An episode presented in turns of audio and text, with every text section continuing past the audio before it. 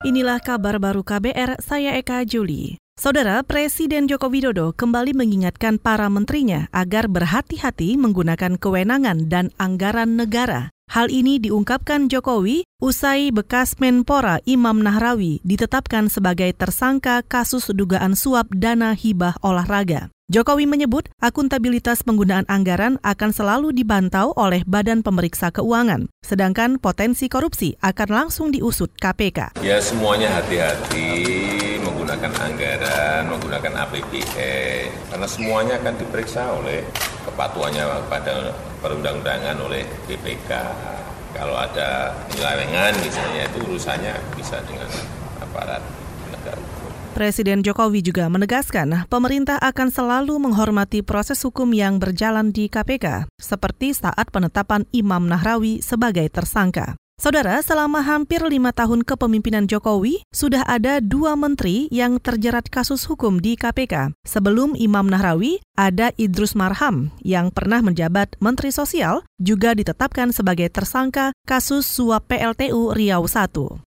Kita ke soal cukai rokok. Ikatan Ahli Kesehatan Masyarakat Indonesia atau IAKMI mendukung kebijakan kenaikan tarif cukai rokok sebesar 23 persen mulai 1 Januari 2020. Ketua Ikatan Ahli Kesehatan Masyarakat Indonesia, Sumarjati Arjoso, berharap Kebijakan ini dapat meningkatkan penerimaan negara sekaligus mengendalikan konsumsi rokok, khususnya bagi perokok muda. Visinya Presiden kan SDM unggul, Indonesia maju. Nah, kalau anak-anak saja sudah merokok, tentunya ini merupakan hambatan dari SDM unggul. Lalu pemerintah mempunyai program utama ialah penurunan stunting. Di kalangan penduduk, khususnya penduduk kurang mampu, yang merokok, angka stunting itu lebih tinggi.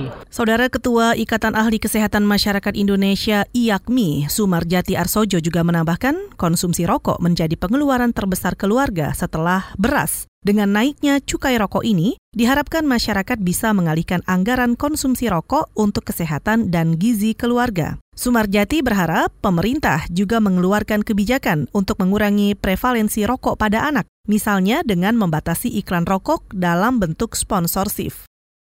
Ke informasi lain, minimnya kemitraan langsung dengan dunia industri diidentifikasi sebagai salah satu hambatan untuk meningkatkan kesejahteraan petani. Pasalnya, kondisi ini kemudian berdampak pada harga jual produk pertanian yang rendah. Direktur Tanaman Semusim dan Rempah Kementerian Pertanian Agus Wahyudi mengatakan, rantai pemasaran yang panjang membuat petani malas berinovasi. Tidak memiliki link.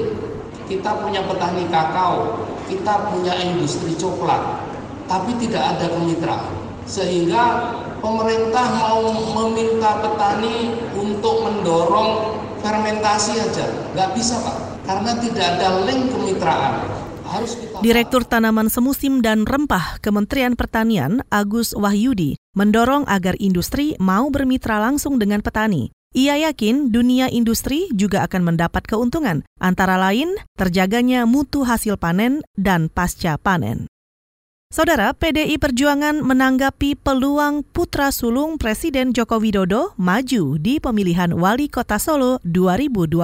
Selengkapnya disampaikan kontributor KBR di Solo, Jawa Tengah, Yuda Satriawan. Ketua DPC PDI Perjuangan Kota Solo sekaligus Wali Kota Solo Hadi Rudiat menegaskan pengajuan pencalonan melalui jalur PDI Perjuangan dalam Pilkada Solo 2020 mendatang harus memenuhi persyaratan yang sudah ditetapkan partai ini.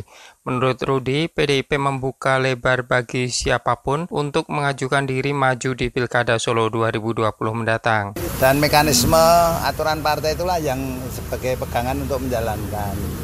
Sehingga kalau partai kan selalu melakukan konsolidasi. Nah, dari konsolidasi anak ranting-ranting PAC itu memberikan aspirasi kepada Pak Pur dan Pak Teguh untuk dicalonkan menjadi wali kota dan wakil wali kota. Jadi silakan saja yang mau daftar monggo sepanjang memenuhi persyaratan internal Pak ya, ya yang diutamakan kader internal. Dan belum anggota ya Pak.